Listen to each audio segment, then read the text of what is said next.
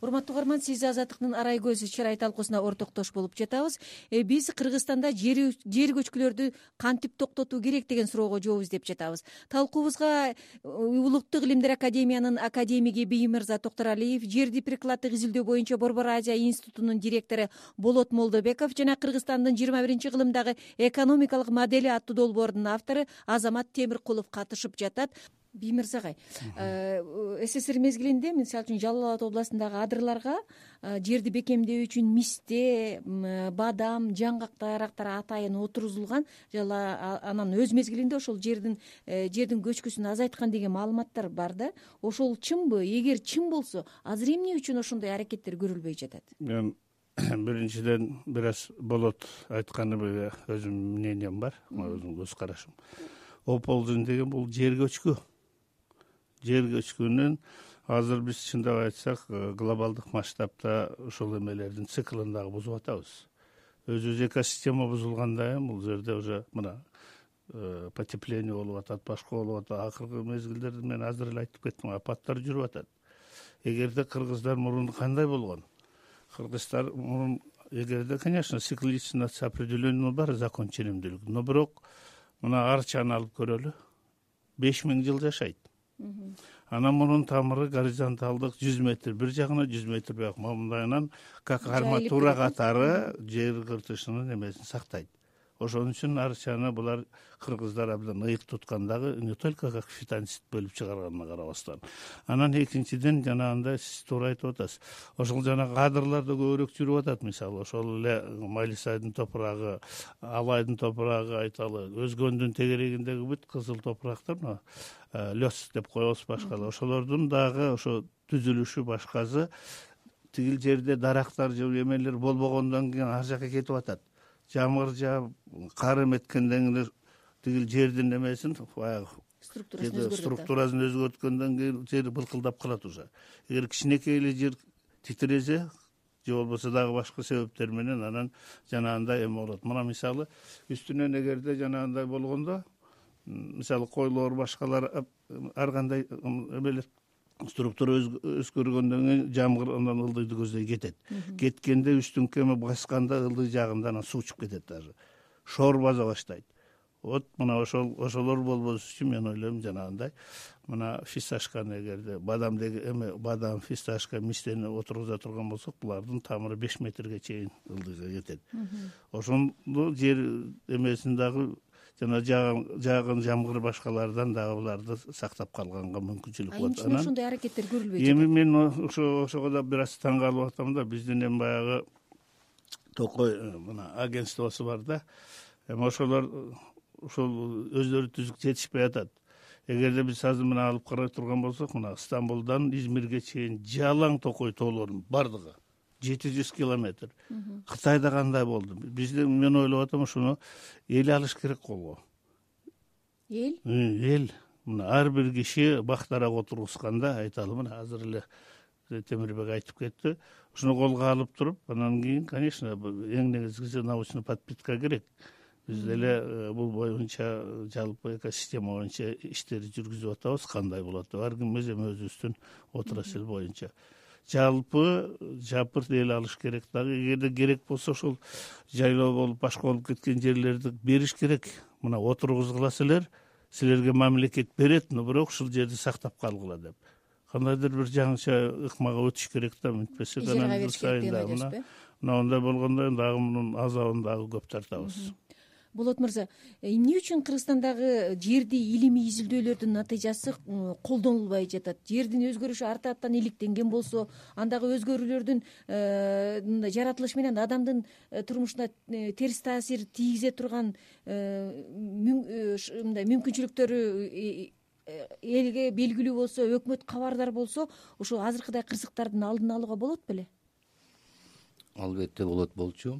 Бүгүнкү күндө биз илимде иштеп жүргөн адамдар бүгүнкү күндө биздин эле институт азыркы күндө кыргызстан боюнча көчкүлөрдүн каталогун түзүп мчске бердик. Канча жерде кайсы жерде ошол көчкү качан пайда болгон кайсы убакта жылышы мүмкүн ошол көчкүнүн астында кайсы үйлөргө зыян алып келиши мүмкүн андан башка ошол ошол иштерди ушу мчс менен чогуу баштап алардын илими жок болгон үчүн кийин биз илимге өзүбүзгө илим алып илим илимий ишке алып ошону аткарып азыр жасап берип атабыз.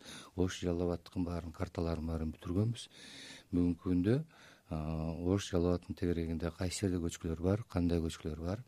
Ошонун объемдору ошол кайсы убакта эмне үчүн анда колдонулбайт эми бул жерде деген колдонулуп аткан мындай болуп атат да э, мына министр дагы башка адистерде айтып атат ушул адам эл ушу көчкүнүн астындагы эл көчүрүлгөн. Мынчанчы жылы токсон төрт эки миңинчи жылы дагы башка жылдарда көчүрүлгөн да. Жылда эле ошонун баарын кайра күздө жазда изилдеп көчүүгө алып келип атабыз. Бирок ошону айтканда мчс менен местный самоуправление жанагы айыл өкмөттөрү кеңеши районный кеңештер жазда дагы күздө дагы чогуу чыгып ушуну эл көчкүлө могул жерде көчкүнүн астында силер суудаңарды алдыңар эле силерге жер берилди эле.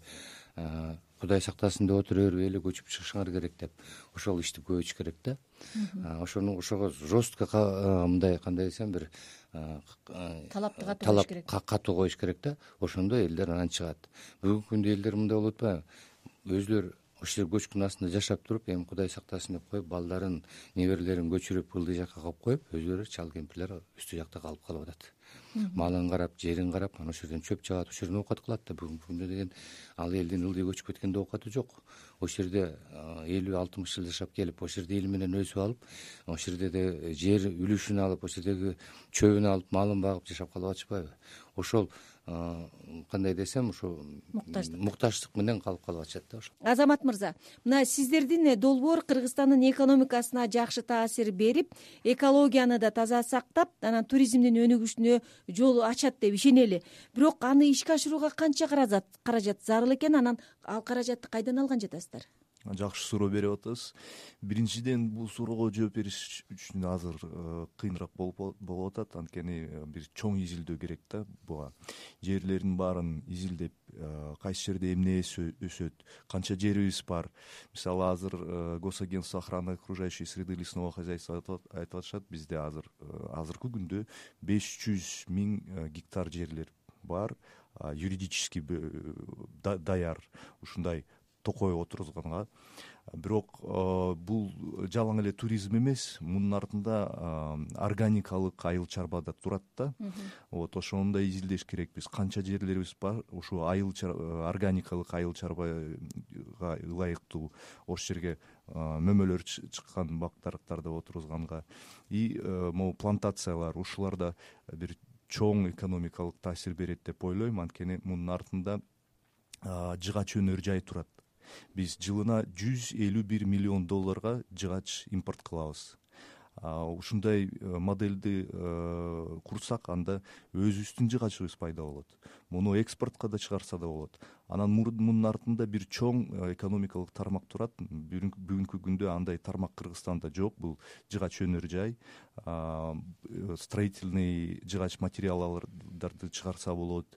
Мебель чыгарса болот. Картон кагаз көп нерселер да вот. Бирок канча каражат керек? Азыр э, айтыш кыйын.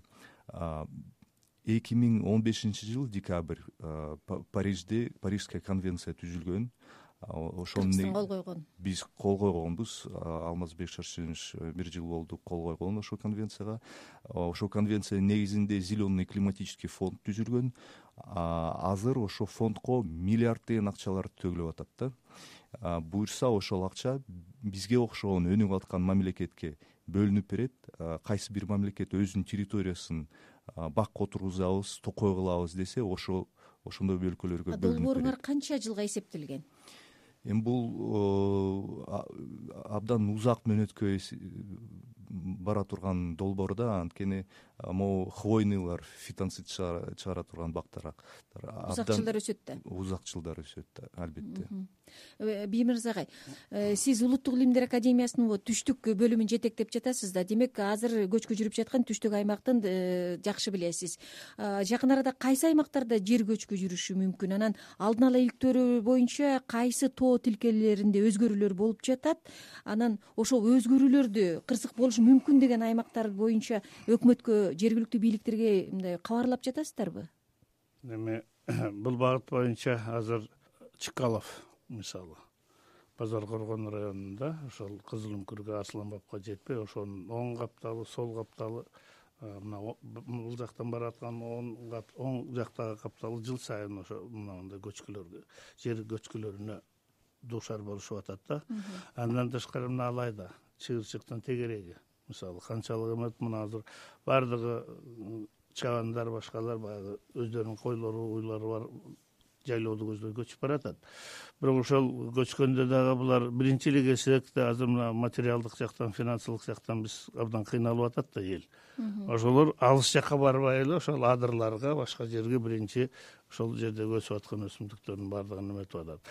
Анан эми бул э, азыр болот айткандай э, бизде дагы информация бар э, кайсыл жерлерде кандай болот биз ошо мчс менен биз биргеликте дагы иштерди жүргүзүп атабыз. Ну бирок биз чисто экологический направление боюнча. Анан эми бул жагынан айыл өкмөттөрү дагы жакшы киришиш керек да. Ошол айыл өкмөттөрү баардык участкалардын бир тобун билишет кайсыл э, участкада ар бир мына мен мисалы жыл сайын мчстин э, берген отчету менде бар беш жүз төрт жүз страницага чейин.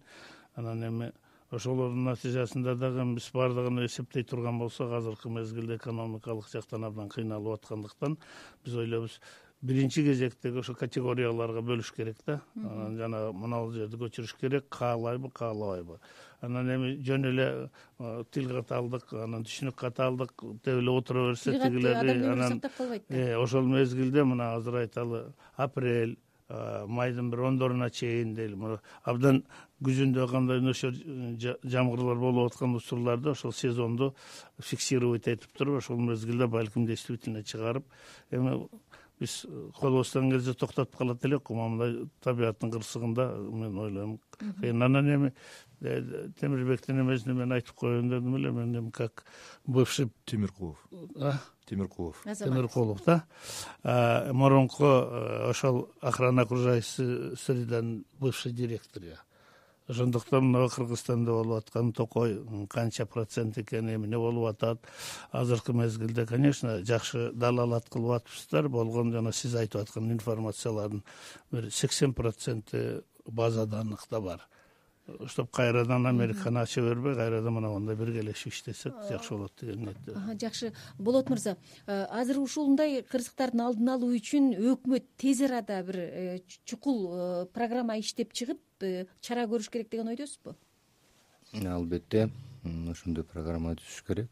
Бүгүнкү күндө жанагы мониторинг жүргүзүүнү абдан күчтөтүш керек бүгүнкү күндө специалисттер аз болуп атат. Бирок ошо специалисттер бар.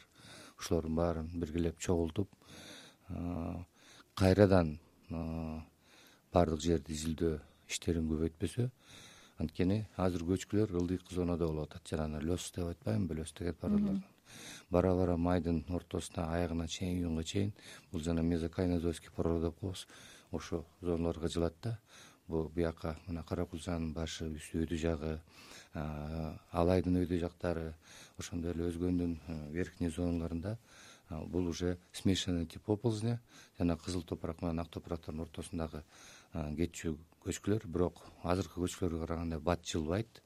Жылса медленно жылат. Ну жайыраак жылат. Бирок ошентсе дагы чоң чоң ущербтерди алып келет. Ошондуктан ошол көчкүлөрдүн баарын кайра мен ойлойм кайра бир сыйра батыраак ушунун баары иштерин баарын жүргүзүп иштерди көчүрүп могу жерде моундай зыян келет деп кайра жанагы каталогдун ичине негизинде кайра бир жаңылатып иретке келтирүү. иретке келтирүү нерсени кылыш керек деп ойлойм. Демек сиздерди сиздерге окшогон окумуштуулар менен өкмөт жергиликтүү бийлик биргеликте иштеп чукул чараларды көрүш керек экен да. Демек жыйынтыктап айтканда кыргыз эли элүү жылда эл жаңы жүз жылда жер жаңы деп айтканда табигат өзгөрөт бирок анын кесепети адам жашоосуна терс таасирин тийгизбеш үчүн илимий изилдөөлөрдүн негизинде стратегиялык аракеттери аракеттерди көрүү зарыл экен деген ойдо бүгүнкү талкуубузду жыйынтыктайлы сиздердин келип бергениңиздерге чоң рахмат урматтуу угармандар сиздер арай көз чара ай уктуруусуна ортоктош болдуңуздар. Биз бүгүн жер көчкүлөр кантип алдын алуу керек деген суроого жооп издедик. Талкууга эколог академик биймырза токторалиев жерди прикладдык изилдөө боюнча борбор азия институтунун директору болот молдобеков э, жана кыргызстандын жыйырма биринчи кылымдагы экономикалык модели аттуу долбоордун автору азамат темиркулов катышты. Талкууну мен бүбүкан досалиева алып бардым. Кайрадан эфирден жолугушканча саламатта болуңуздар